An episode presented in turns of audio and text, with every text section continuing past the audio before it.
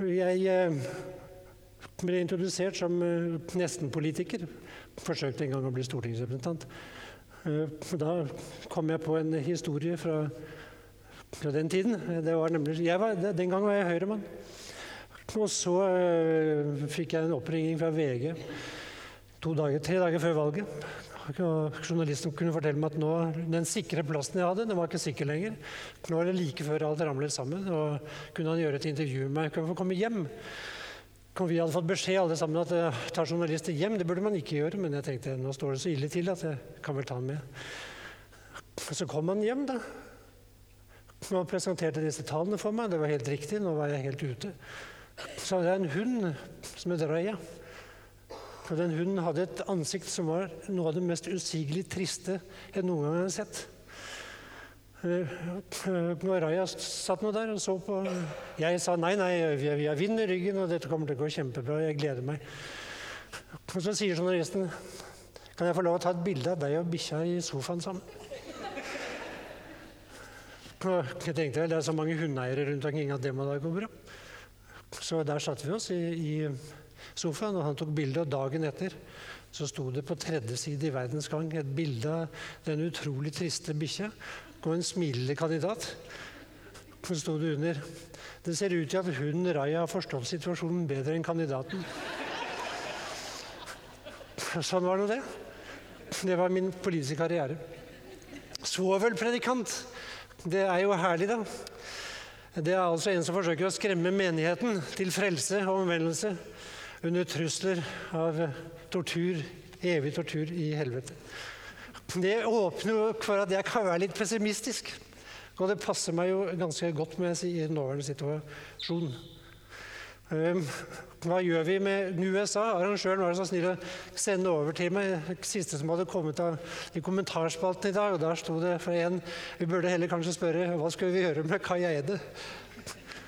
Han var vel da sannsynligvis fortvilt over at jeg gradvis har endret synspunkter i en mer og mer kanskje pessimistisk, men i hvert fall mer radikal retning. Så dere er advart. Men det som jo preger situasjonen vår, det er jo turbulens nesten overalt. Turbulens i Europa, turbulens i Midtøsten, turbulens i Latin-Amerika, politisk turbulens i USA. Det omgir oss på alle områder. Og samtidig så har vi jo da en rekke utfordringer som folk ikke forstår. Hvordan skal vi håndtere dem? Og politikerne ser ikke ut til å forstå det heller. Derfor så kommer det, brer det seg også en stadig større mistillit overfor politikerne.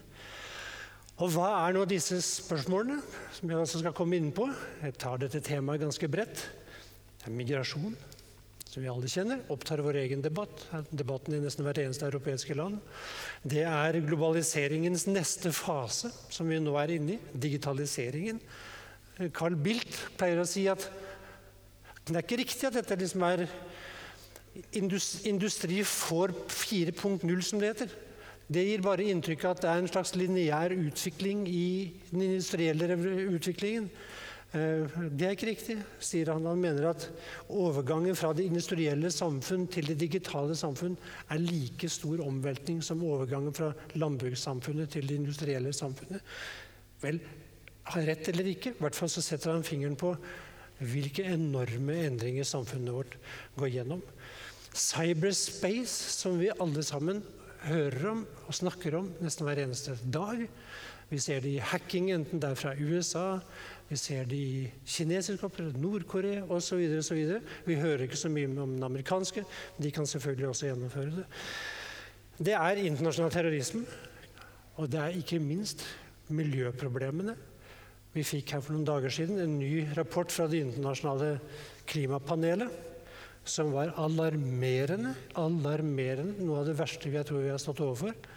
Og som også sier at hvis vi ikke greier å forsere utviklingen nå i arbeidet med å håndtere klimaproblemene, så ender vi opp med å måtte gå gjennom en, en, forandring i vårt økonomiske system som er noe helt annet enn vi noen gang har gått gjennom.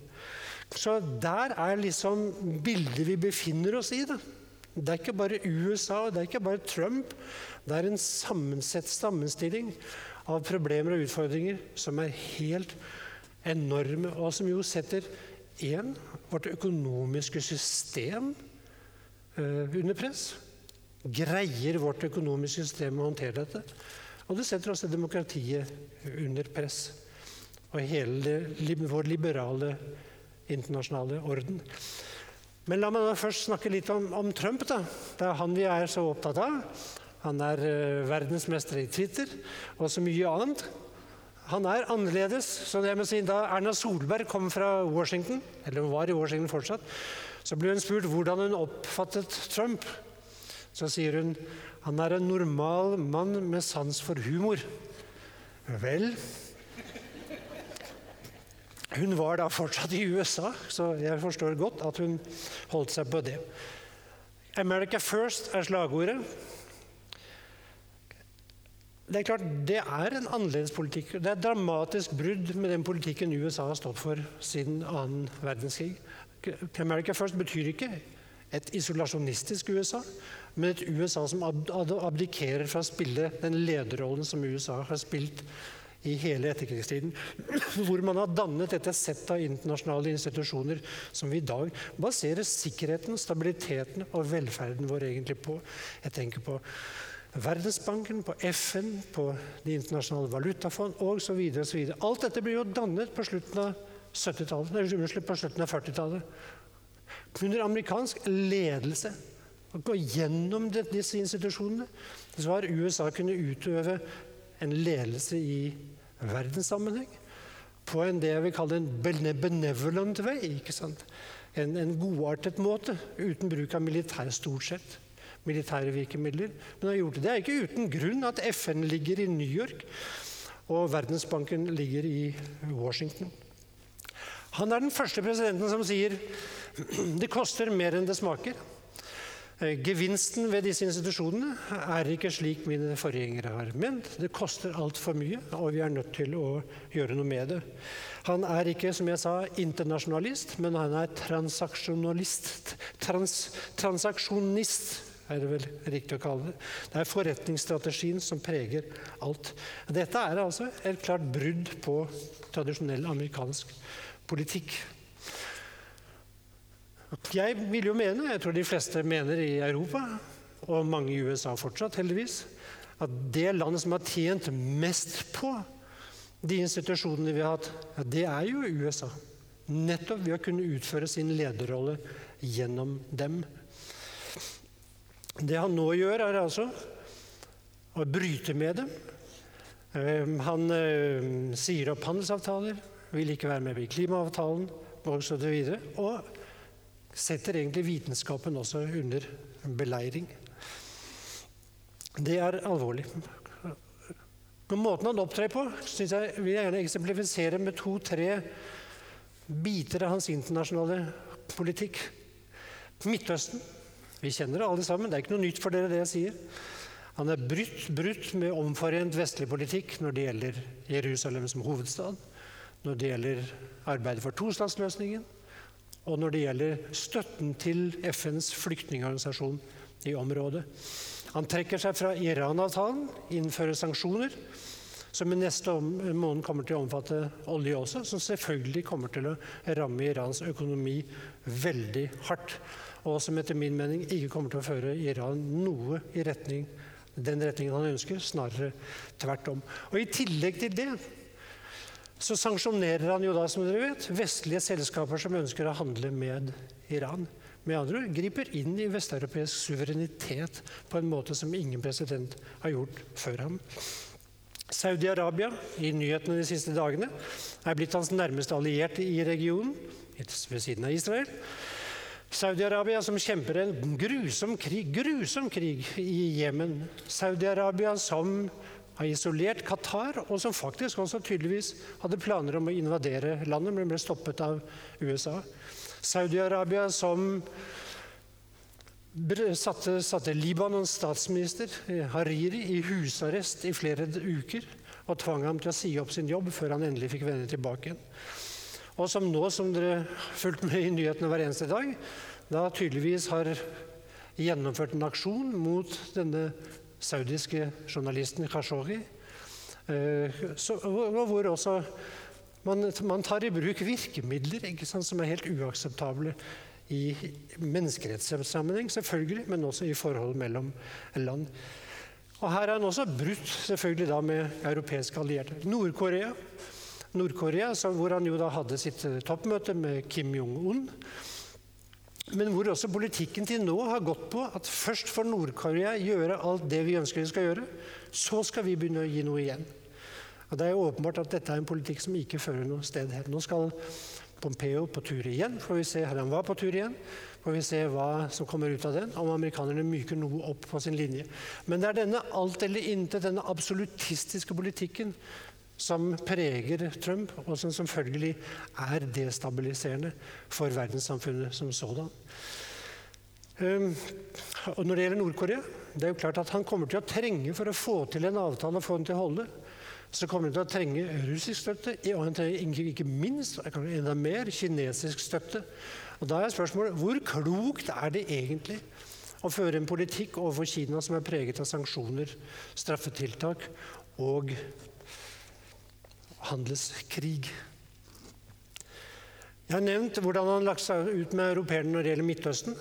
Så har vi da hele forsvarsbudsjettsaken, hvor han jo da fikk og Jens Stoltenberg fikk jo skryt for å ha sørget for så og så mange millioner til i forsvarsbudsjettene. Men da det hele var over og 2% er det som står i denne uforpliktende erklæringen fra tidligere Nato-toppmøte. Så la Trump på 2 til like godt og sa at europeerne hadde lov til å gi 4 som selvfølgelig er helt umulig. Så han er, en, han er, på en, stadig konfrontasjonskurs med sine venner, mens han da samtidig forsøker så godt han kan eh, å ha et eh, levelig forhold, et så godt forhold som mulig, til politikere som han nok ser opp til, som Putin, som Erdogan, delvis Xi også, president Xi. Men der er det selvfølgelig handelskrigen som har tatt overhånd. Så det er noe helt annet enn det vi har vært vant til, som dere vet. Så langt det utenrikspolitiske. Og så da det hjemlige. Hva er det som skjer der? Han kritiserer sine egne institusjoner. Etterretningstjenestene har vært hudflettet i uke etter uke. Sentralbanken fikk nå også juling fordi den varslet renteøkning. En uavhengig sentralbank. Sin egen justisminister har han selvfølgelig pisket så godt han kunne, eh, om og om igjen. Eh, media, som kalles mainstream media, har også fått gjennomgå. Med andre ord han kritiserer og truer de institusjonene som jo utgjør det vi kaller checks and balances i det amerikanske systemet. Så at dette er alvorlig, er det ingen tvil om. Så er det mange som har tenkt men han endrer seg jo sikkert når han bare kommer til makten. Så lærer han på jobben. Han har ikke lært på jobben. Men så har han sikkert noen rådgivere rundt seg det som i det amerikanske systemet kalles the adults, de voksne, the grown-ups. Men de har jo heller ikke i særlig grad maktet å legge bånd på ham. Heldigvis så har ikke politikken fått den type utslag som vi kunne ha fryktet.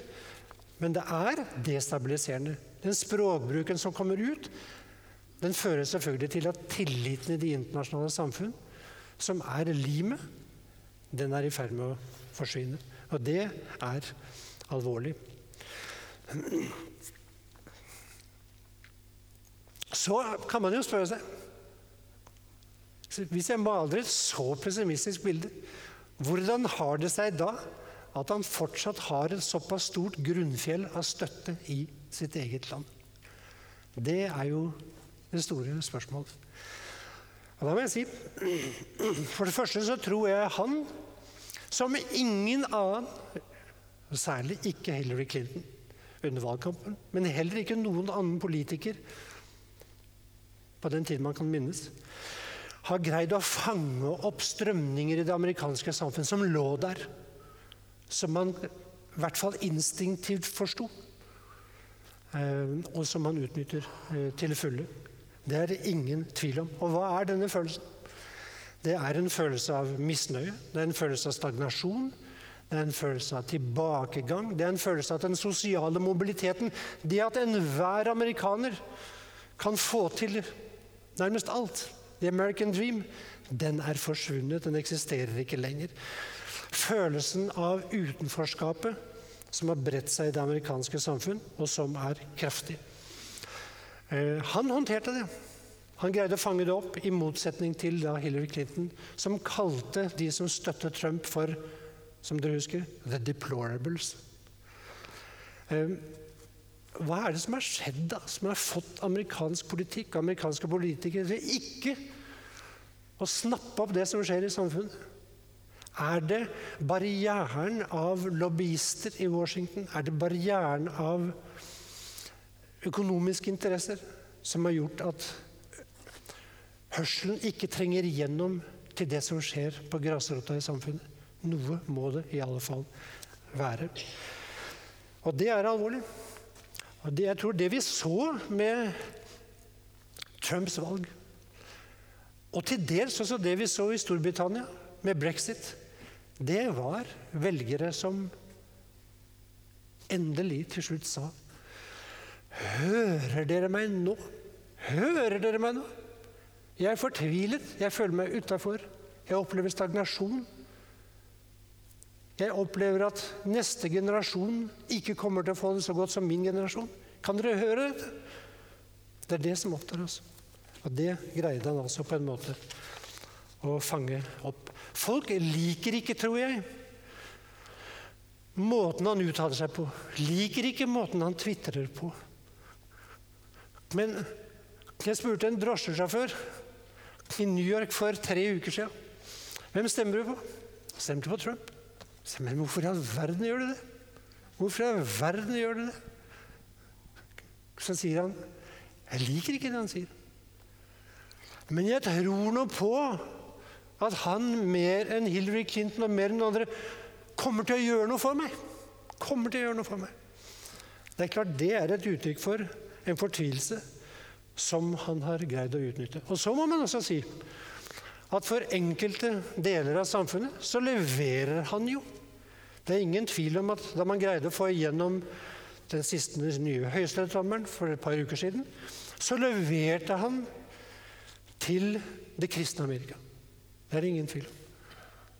Skatteletten Ingen tvil om at han leverte også til store deler av næringslivet.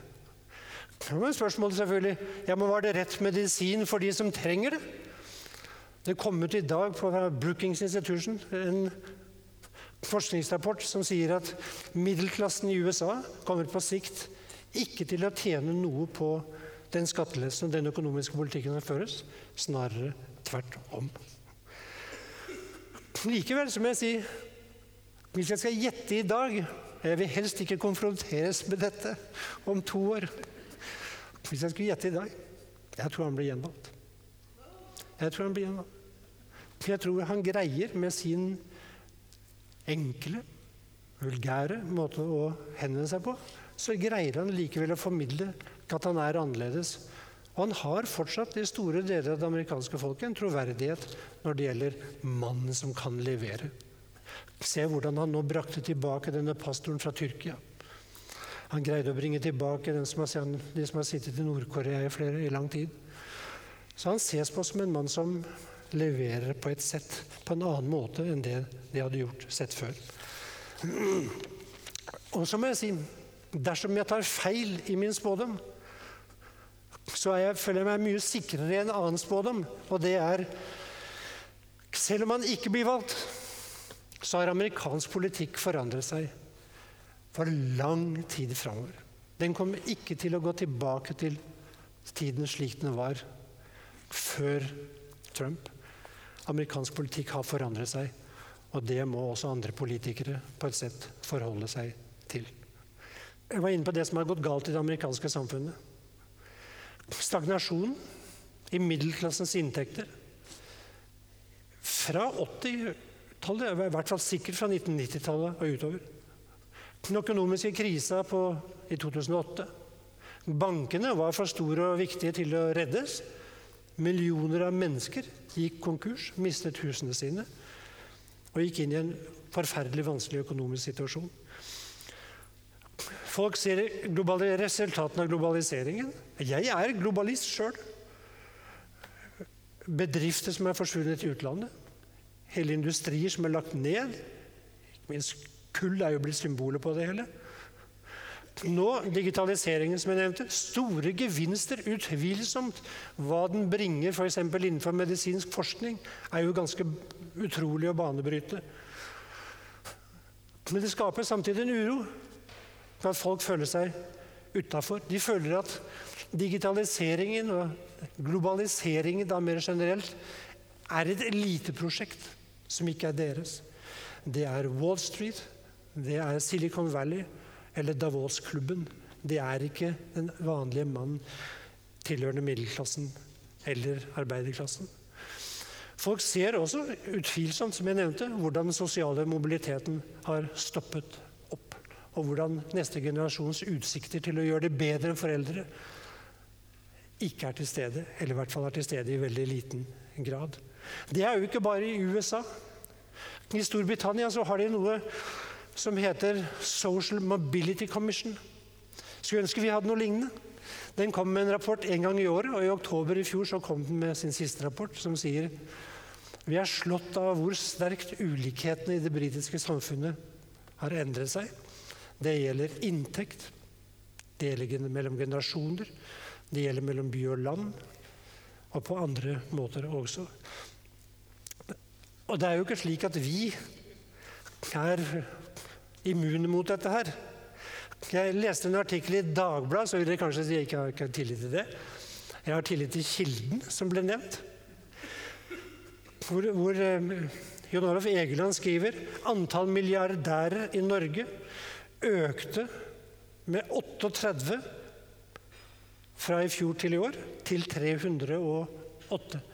Det er mer enn 10% på et år. De rikeste 1% eier 31% av formuen i Norge. I Storbritannia er det 24 i USA er det 38 Med andre ord vi beveger oss også må jeg si, i gal retning. Dette er en del av et bredt internasjonalt eller vestlig fenomen som vi må få ta tak i. McKinsey skrev for et års tid siden at to tredjedeler av de som i dag begynner på skole, kommer til å gå inn i jobber som i dag ikke eksisterer. Det forteller litt om hvor store omveltningene i samfunnet er. Og det forteller litt om hvilken usikkerhet mange føler. Samtidig så er det jo da slik at de redskapene vi har, til, har til rådighet, og som har vært stabiliserende Organisasjonsliv, partiene, fagbevegelse osv. er sterkt, sterkt eh, svekket. Jeg nevnte, eh, jeg nevnte roboter og automatisering, tror jeg. McKinsey skriver også i samme rapporten at de regner med at i løpet av noen tiår så er, kan halvparten av dagens arbeider utføres ved automatiserte uh, løsninger. Da, nå må jeg si, Man skal ikke feste seg veldig med om, om tall her. Halvparten, 50% eller hvor mye det måtte være. Men det er klart det går en veldig kraftig utvikling i den retningen. Det forskyver jo også selvfølgelig forholdet mellom de som eier arbeidskraften, og de som eier kapitalen. Hvem eier robotene? Det er ikke arbeiderne. Jeg nevner dette her fordi det er dette som er de underliggende faktorer som skaper engstelse i samfunnet. Og det er de vi må ta tak i. Så har vi andre problemer som kommer på samme tid, og gjør det enda mer komplisert. Migrasjonen er igjen. Vi går fortsatt inn i en debatt her i Norge. Det politisk, har vært en politisk krise nærmest når det gjelder flyktningspørsmål og migrasjon. Men selve flyktningkrisen var da i, på så høyde i 2015. Men hvis vi ser fremover, så er det klart at migrasjonen ikke er over, og at vi er nødt til å finne måter å håndtere det på. Niger. Det er noen som kjenner landet Niger? Jeg har vært der. Et ørkenland midt nede i, i Sahel-området. På i dag ca. 20 millioner mennesker. Lutfattig. En befolkningsvekst på 3,95. var en av de verste i verden. Um, I 2050 så regner man med at Niger med sine 20, 22 millioner i dag vil ha 70 millioner mennesker. Prognosen. Nigeria som har i dag litt over 200 millioner, hvis jeg ikke husker feil. Regner man med i 2050 vil ha 400 millioner. Det er en kvart milliard økning på de to landene. Og det er land også som ikke går veldig lyse økonomiske tider i møte, slik det nå ser ut. Hvor skal de ta veien? De fleste kommer til å bli. Men noen kommer til å søke seg nordover. Dette er fransktalende land. Eh, unnskyld, Niger er fransktalende land. De kommer sannsynligvis til å søke seg til andre steder i Europa. Men vi er nødt til å finne løsninger som gjør at vi forhindrer disse store migrasjonsbølgene. Det setter krav til hvordan vi formulerer vår bistandspolitikk og så videre. Hvorfor har jeg gått gjennom dette her? Og det virker springende og sprikende, det innrømmer jeg. Enda mer sprikende med den der i hånden. Så Hvorfor jeg nevnte er fordi vi opplever i USA en kraftig polarisering i politikken og i samfunnslivet. Men vi opplever det samtidig også nesten hvert eneste europeiske land. Mer eller mindre. De verdiene vi har stått for, siden, særlig siden 1970-tallet, det liberale samfunnet, liberal demokrati og den liberale internasjonale orden, det er den som er under angrep. President Macron sa for noen måneder siden Aldri har verden vært så splittet, aldri har de sentrifugale kreftene vært så sterke, og aldri har våre fundamentale verdier stått under et så enormt press. Dette er innenfra, da. Dette er innenfra. Det er ikke et Trump-skapt fenomen, men det er et fenomen som først er kommet til uttrykk i USA, i den stagnasjonen vi har sett, men sannelig også i alle europeiske land, og som vi sliter med sammen. For vi ser det jo også i Europa. Hvordan særlig i den østlige delen av det vi kaller Vest-Europa, altså i det beltet av land som tidligere var medlem av Warszawapakten og lå under sovjetisk dominans, hvordan flere av dem også er gått i samme retning med hurtigdogsfart. Polen, Ungarn osv. i særdeleshet. Land som jo da kom ut av Moskvas grep, som ønsket seg vestover for å få beskyttelse, ønsket seg vestover for å få økonomisk vekst. Men de ønsket seg jo ikke vestover for å erstatte det å bli dominert av Moskva på en måte med å bli dominert fra Brussel på en annen måte. Og Det ser vi også i dag, i måten EU sliter med å komme fram til enighet i en rekke spørsmål. Ikke minst i migrasjonsspørsmålet, men også når det gjelder ting som har å gjøre med ytringsfrihet, pressefrihet osv.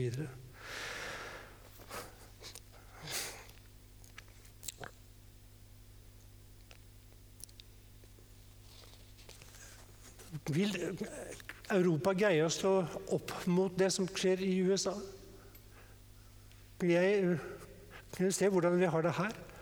Eh, det er vanskelig eh, med en amerikansk alliert som ligger så til de grader på kollisjonskurs med det vi sjøl gjør når det gjelder verdispørsmål. Det er jo frykter, det er jo tendensen til å forholde seg i taushet, som er noe av det farligste jeg tror i den nåværende verdikampen vi kan innlate oss på. Dette er truslene innenfra, da. Men så har vi, jeg har lyst til å nevne også litt truslene utenfra, eller utfordringene utenfra. Mange er opptatt av Russland. Jeg må si, jeg har vært elleve år i Nato. Lenger enn de aller fleste nordmenn. Fem år som ambassadør, og så tidligere på 80- og 90-tallet. Jeg husker godt den dagen vi satt rundt konferansebordet konferansebord på utenriksministermøtet i, i Brussel. Der var Sovjetunionen og de andre landene som nå vendte seg vestover, de var invitert for første gang. Og Generalsekretæren skulle heve klubben og begynne møtet. Så sier han alle har lest kommunikéet. Det hadde de. Og så rekker da den russiske, sovjetiske representanten opp hånden. Så sier han generalsekretær, jeg må få en endring i kommunikéteksten. Og generalsekretæren sier ja, hva er det, da? Det står her at Sovjetunionens utenriksminister Sjevardnadze er her. Men han er jo ikke det. Han er i Moskva pga. politiske utfordringer der. Så det må erstattes med representanten for Sovjetunionen. Ambassadør Afanasjevskij het han. Det var ikke noe problem. Alle visste jo at Sjevardnadze ikke var der. Gikk det ti minutter til, så ber sovjetambassadøren om ordet en gang til. Og så sier generalsekretæren jeg må få en, en endring til i kommunikéteksten. Nei, nå må det være slutt, sier Wørner, het generalsekretæren der, en tysker. Og så sier sovjeteren jo, nei, men det er ganske viktig. Ja, hva er det, da? Jeg har akkurat mottatt beskjed. Desember 91. Jeg har akkurat mottatt beskjed fra Moskva om at Sovjetunionen ikke lenger eksisterer. Viktig endring. Men det å oppleve det Det er fortsatt sånn at når jeg snakker om det sjøl, så får jeg litt frysninger på ryggen. Og jeg har snakket om det mange ganger. Gjennom hele denne tiden eh, var jeg altså elleve år i Nato. Så jeg er en Nato-tilhenger. Men jeg er ikke redd Russland. Russland med et militærbudsjett på 61 milliarder dollar. Det er en sånn 8% av det amerikanske. 8 Da Putin tok over, sånn i begynnelsen av forrige årtid, så lå det russiske militæret, akkurat som økonomien, totalt klappet sammen. De hadde gått gjennom, og gikk fortsatt gjennom, en ydmykende periode med privatisering, som vi hjalp dem med ikke sant, da i Vesten, som førte til at oligarkene ble kjemperike, og millioner av pensjonister mistet alt de hadde. Det var det Putin Russland tok over. Senere har han helt åpenbart bygget opp det militære. Brukt oljepengene sine og andre inntekter, men særlig fra energien. Og bygget opp, Men det er jo ikke i nærheten av det vi har på vestlig side. At russerne gjorde det de gjorde med Krim, det er klart det var et folkerettsbrudd. Men at de skulle begynne å røre med et Nato-land, anser jeg for å være totalt urealistisk. Men det jeg er redd for, det er russernes nyoppfunne måte å hevde seg i det internasjonale samfunnet. Og det er en evne og vilje til å blande seg inn i det vestlige samfunn på en måte vi ikke tidligere har sett. USA, amerikanske valg i 2016, er et godt eksempel. Det er hevet over enhver tvil at russerne gjorde det de kunne for å påvirke valgutfallet. Trump liker det jo ikke, fordi det stiller spørsmålet om noe som aldri noen har påstått, stiller spørsmålet om han ble valgt pga. russisk manipulasjon. Det er derfor han selvfølgelig også misliker dette problemstillingen så mye.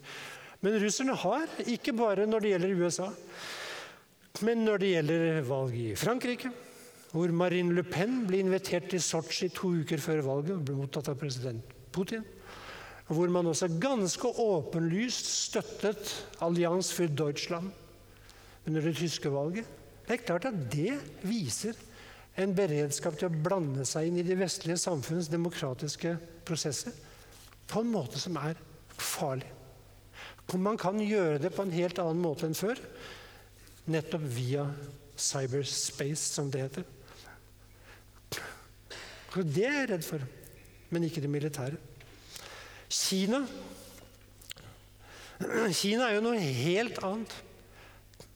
Mens Russland da har hvor mye er det, dobbelt så stort flateinnhold som Kina, så har Kina ni ganger så stor befolkning som det Russland har.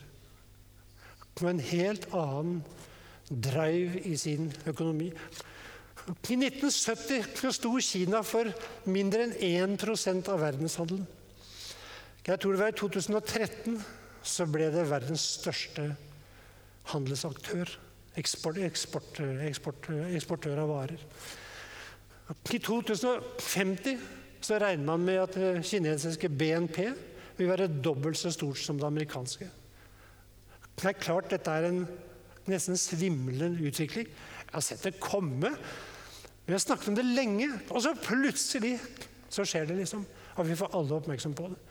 Hvordan de også bygger ut dette store nettverket de nå har, Road and Belt Initiative, som de kaller det, med 60 land som er engasjert, eller involvert. som kommer til å knytte Kina via vei, jernbane, digitale nett, eh, eh energinett osv. til en lang rekke andre land. Det er klart det kommer til å tjene deres økonomi. Det er ingen tvil om det. Og det kommer til å tjene mange av disse andre landene. Kanskje alle. Men det er klart, det fører også til at det kinesiske politiske rommet øker. Kan man stille seg spørsmål ja, men gjør det noe, da? Jeg tror man skal være klar over at det dreier seg om to vidt forskjellige modeller her. altså. Kineserne har sin modell, vi har vår, demokratiske. Det er ikke den kinesiske. Det er en statskontrollert modell. Men jeg vil ikke utelukke at mange av de utviklingsland som i dag knytter seg til dette opplegget, vil finne at det er en modell som virker tiltrekkende. Ja, kanskje mer tiltrekkende enn vår egen. Vil kineserne forsøke å influere oss i samme retning? Jeg tviler på det. Jeg tviler på det. Men sikker kan man aldri være. Er Kina, som har en militærbudsjett som er fire ganger så høyt som det, det russiske, er de en militær trussel i global sammenheng? Det tror jeg overhodet ikke. Men det er en regional trussel eller regional utfordring for de landene som ligger i nærheten. Det er det ingen tvil om. Hvordan skal vi reagere overfor kineserne? Jeg tror Vi er nødt til, som vi så jo nå kongeparet var der. Var det riktig eller galt? Det var helt riktig. Vi er nødt til, Etter å ha vært i fryseboksen i såpass mange år som vi har, så er det en riktig politikk å forsøke å nærme seg Beijing. Og nærme seg det store markedet. Men vi vil også være klar over hva som skjer. Ikke så mye i nå er jo Trump opptatt av kullindustrien i Kina også. Nei, stålindustrien, unnskyld. Den tror jeg ikke man skal være så veldig bekymret over. Men den teknologiske dominansen og teknologiske utviklingen i Kina, det er imponerende. Er det noen av Dere kjenner kanskje Alibaba, det store e-handelkonsernet i Kina. Er det noen som kan gjette hvor mange transaksjoner de på det meste har per sekund? 170 000. 170 000 på det meste. Huawei, den store telefoni- IKT-konsernet, har altså forskningsbudsjett, forsknings- og utviklingsbudsjett på 17 milliarder dollar i året. Noe som beveger seg i retning av 20 milliarder. Det er, så vidt jeg kan huske, sånn to og en halv gang det norske forsvarsbudsjettet. Det er klart, Her står vi overfor en situasjon hvor Kina nok tar mål av seg til å bli den ledende teknologimakten i verden om noen få år. Og da stiller spørsmålet seg altså burde vi være litt på vakt når vi samhandler og handler med dem på teknologiområdet. Jeg tror man skal være klar over at det er noe annet enn å kjøpe fra et vestlig firma. Jeg vet ikke om dere la merke til her for noen uker siden så hadde man oppdaget altså at man i hardwaren i kinesisk telefon hadde oppdaget en, en, komponent som var lagt inn, som gjorde at man kunne manipulere den. Altså ikke bare software, som man snakker om i vanlig forstand, men også i selve apparatene.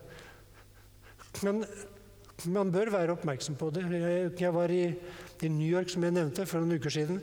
Og Der var det også en tysk tidligere vise innenriksminister som fortalte at de hadde til sitt sjokk i Tyskland oppdaget at en av delstatene hadde kjøpt kinesisk utstyr til sitt politisamband. Eh, det er klart, det er, Vi må være litt på vakt over hva det er vi går inn i, og hva vi ikke går inn i. Jeg nevner Russland og Kina fordi det er klart at begge disse landene også i tillegg til utfordringer innenfra, så utgjør de utfordringer mot den samfunnsorden vi har bygget opp gjennom mange, mange år. Så er det da spørsmålet hva gjør vi, hva gjør vi med USA? Hva er spørsmålet? For det første må jeg si vi må i de vestlige land som bekjenner oss til det liberale demokratiet. Vi må stå fast ved de verdiene vi har, og som bygger dette samfunnet på. Begynner vi å tukle med det, da er vi ille ute. Folkeretten, internasjonal rett, må vi stå fast på. Ikke 80% eller 90% men 100 I det øyeblikk vi begynner å tukle, så er vi ute på sklia sjøl også. Og i det øyeblikk vi begynner å tukle, så svekkes vår stemme i det internasjonale samfunnet.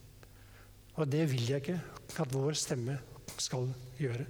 Taushet er noe av det farligste vi kan oppleve i en nåværende situasjon. Vi må snakke ut, vi må si fra. Det er vanskelig, det. I en situasjon hvor vår egen store allierte kanskje ikke opptrer slik vi ønsket. Men vi er nødt til å gjøre det. Kan vi gjøre det aleine? Det er vanskelig. Det er tungt for et lite land. Jeg tror vi må også forsøke å skape nye allianser. Vi er ikke medlem av EU. EU er også splittet. Vi er nødt til å forsøke å skape allianser av like-minded countries. Land som tenker på samme måte som oss. Selv om disse landene, mange også, har sine egne interne problemer. Jeg tenker selvfølgelig først og fremst på Tyskland. Tenk på de nordiske landene og en del andre nordeuropeiske land. Vi må samsnakkes mer med de landene og reagere der vi må reagere. Jeg må si jeg blir, jeg blir bekymret. Jeg, jeg kikker etter hver dag for å si se, hva har Norge sagt? Hva har Norge sagt? Har vi uttalt oss når det gjelder det som skjer med den saudiarabiske journalisten? Har vi sagt noe om det? Annet enn at vi må vente og se. Ikke så mitt, meg bekjent, hvis det ikke har skjedd noe det siste døgnet. Jeg må si vi, Det bekymrer meg dersom vår stemme skal bli svakere i tida framover. Men vi må søke samarbeid og koalisjoner med andre. Og så er det en annen ting. Vi må, vi må holde fast ved de store, brede internasjonale rammer som vi har. Jeg tenker selvfølgelig på FN, Verdensbanken, World Trade Organization osv. Men jeg tenker også, ikke minst, på en avtale som jeg vet er vanskelig å elske og vanskelig å hate, nemlig EØS-avtalen. Den er så uspennende som det går an, liksom. Så uspennende som det går an. Tenk å slåss for den med noe særlig glød. Men det er den som gir oss den uhindrede adgang til det europeiske markedet. Og uten den vil vi komme til å merke det øyeblikkelig i norsk økonomi. Vi må være flinkere til å fortelle. og Der må næringslivet gjøre sitt, der må regjeringen gjøre sitt, og partiene fortelle hvor viktig den er som en pilar i det nettverket vi sjøl er knyttet til, i mangel av noe annet. Så må vi ta fatt i ulikhetene. Vi må ta fatt i ulikhetene. Jeg er overbevist om, og blir det mer og mer dag for dag, at de ulikhetene vi i dag opplever i vestlige samfunn, og også i økende grad i vårt eget samfunn, det er ikke bærekraftig. Det holder ikke. Vi må reversere det. Vi må forsøke å forme solidaritetsbegrepet på en annen måte. Det kan ikke se ut sånn som det gjorde i 50- og 60-tallet. Men vi må bringe det inn igjen på en måte som får folk til å føle at vi er med, vi er på innsiden. Det er ikke utenforskap. Det, utenforskap er noe av det farligste, mest eksplosive vi kan tenke oss i nåværende situasjon. Så det er viktig. Når jeg, snakker om ulikhet, så er det mange som sier jo, men du mener vel ikke at du skal ha lik inntekt til alle sammen? Nei, jeg mener ikke. Du mener bare like muligheter. Litt adgang. Nei, jeg mener mer enn det. Jeg mener mer enn det. For jeg tror nemlig at hvis vi ikke også gjør noe med inntektsforskjellene, så forsterkes også ulikheten når det gjelder mulig adgang til ting i samfunnet. Enten det er utdanning, yrkesvalg, osv. Forskjellene øker. Og barn og ungdom som kommer fra ett miljø, deres mulighet til å lykkes, blir i økende grad svekket i forhold til andre deler av samfunnet. Jeg mener vi må se på det. Jeg var altså, jeg kommer for tredje gang tilbake til denne møtet, konferansen i New York.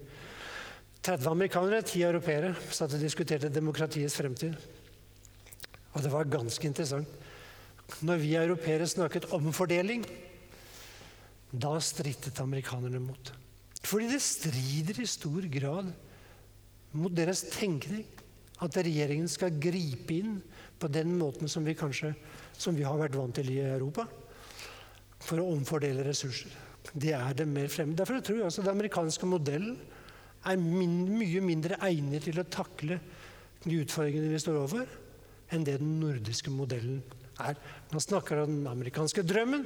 Jeg tror mer, mye mer på den nordiske drømmen. Hvis vi bare er varsomme og ikke ødelegger den modellen vi har bygget opp. Og den er under press. Så må jeg si klima og dialog med Russland. Dialog med Russland først. Fra 70, midten på 70-tallet og gjennom hele 80-tallet så var jeg med i de, noen av de første forhandlingene mellom øst og vest som fant sted. Det var ikke noe morsomt. Jeg likte ikke de sovjetrepresentantene jeg møtte. Jeg syntes de til tider var ubehøvlet, uhøflige. Og mer enn det, kanskje. Eh, men da var vi i en kirke. Men vi måtte snakke med dem. Og det gjorde vi. År etter år. Og det ga resultater. Ene avtalen etter den andre.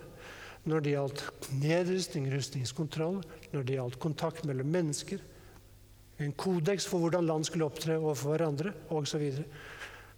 Torbjørn Jagland skrev en, en Facebook-innlegg for noen par uker siden at har vi glemt dette uttrykket som er detant avspenning? Den som jo liksom innledet det hele, østpolitikken, var jo Willy Brandt da han bega seg til Polen. Husker dere og knelte foran monumentet over falne jødisk befolkning. Det virker nesten som om de som i dag vokser opp i politikk og samfunnsliv, ikke kjenner til det faktum at vi år etter år satt og forhandlet om alle disse tingene. At vi var overbevist om at ja, vi må ha et sterkt forsvar, men vi må ha en klar vilje til å snakke. I dag er vi i en situasjon hvor så mange ting burde komme inn på et forhandlingsbord, men vi gjør det ikke. Se bare på hele cyberspace-problematikken. Er det mulig å komme fram til i hvert fall en prinsippenighet i begynnelsen om at visse typer aktiviteter ikke er tillatt? Er det mulig? Det har ikke vært noe forsøk på å komme fram til det, bortsett fra en ekspertgruppe i FN som avsluttet arbeidet sitt i fjor uten resultat. Men det er en av de tingene vi må diskutere. Og så da klima. Ja, vi har Parisavtalen. Holder den? Jeg tror ikke det. Jeg tror vi må inn i andre typer mekanismer for å takle det. Og den siste rapporten som kom for en uke siden, syns jeg var et såpass alvorlig varsko at vi må se på ikke bare hvilke mål vi skal ha, men hvordan går vi fram? Her i Norge vi, er vi selvfølgelig i en situasjon hvor vi er et lite land. Hva vi gjør, har ikke en avgjørende betydning eh, på det globale klimaet. Samtidig så er vi etter min mening en viktig aktør og ses på som en viktigere aktør enn det vårt bidrag til klimautslippene representerer. Det syns jeg vi må leve opp til. Og så er vi da i en situasjon hvor vi sliter med noe veldig mange europeiske land ikke sliter med. Mens svenskene f.eks. kan sette alle krefter inn på økonomisk omstilling, på grønn vekst, grønn omstilling, innovasjon, så slites vi mellom oljealderen på den ene siden og holde den i live så lenge som mulig. Og så samtidig skal vi ha full oppmerksomhet mot omstillingsproblematikken. Det er klart Perspektivet blir veldig bredt. og Det er vanskelig å få fullt fokus på, på, omstillingen. Jeg så altså, da, da, da oljeprisene begynte å gå opp igjen, så ble debatten om grønn omstilling svekket øyeblikkelig. Det for meg var et varseltegn. Watch out. Vi er nødt til å ta, gjøre hele innovasjonen og omstillingsprosessen til en mye mer varig debatt av, i vårt eget samfunn, og på en måte som favner så brede deler av samfunnet som overhodet mulig. Jeg kom jo da fra utenrikstjenesten, men siste jobb var som ambassadør i Sverige. Jeg så hvor mye penger vi hadde til rådighet for innovasjon og samarbeid næringspolitisk med Sverige og med andre europeiske land. Det var ikke mye, det var ikke mange millionene. Næringsdepartementet hadde ikke mer enn oss. Innovasjon Norge, som gjør en god jobb, men sannelig mangler det penger. Det er omstillingen vi må gjennom. Og vi er nødt til og sette ressursene inn for å greie det. Det er, det er noen av de utfordringene jeg mener vi står overfor, og som vi bør sette øverst på vår egen dagsorden. Jeg argumenterer vel kanskje da for på en, på en side å fastholde visse grunnleggende ting, og på en annen side en ganske betydelig omstilling av måten vi tenker på for å kunne mestre de utfordringene vi står overfor og som er avgjørende for hvordan samfunnet vårt kommer til å stå overfor. Og så vil dere kanskje si nei, men så ille er det da virkelig ikke i Norge. Nei, det er det ikke. Det er helt riktig. Men jeg ønsker ikke det skal bli verre. Jeg mener vi er nødt til å se trendene og forsøke å gjøre noe med dem mens vi enda kan, fordi jo lenger vi går i den retning, jo vanskeligere blir det å gjennomføre en snuoperasjon. Så til slutt er jeg pessimist? Ja, jeg er det. Ikke helt resignert, det er ikke. Men det er klart, skal man holde en svovelpreken, så har man lov til å gi uttrykk for sin pessimisme. Men for hver dag som går, blir problemenes omfang større.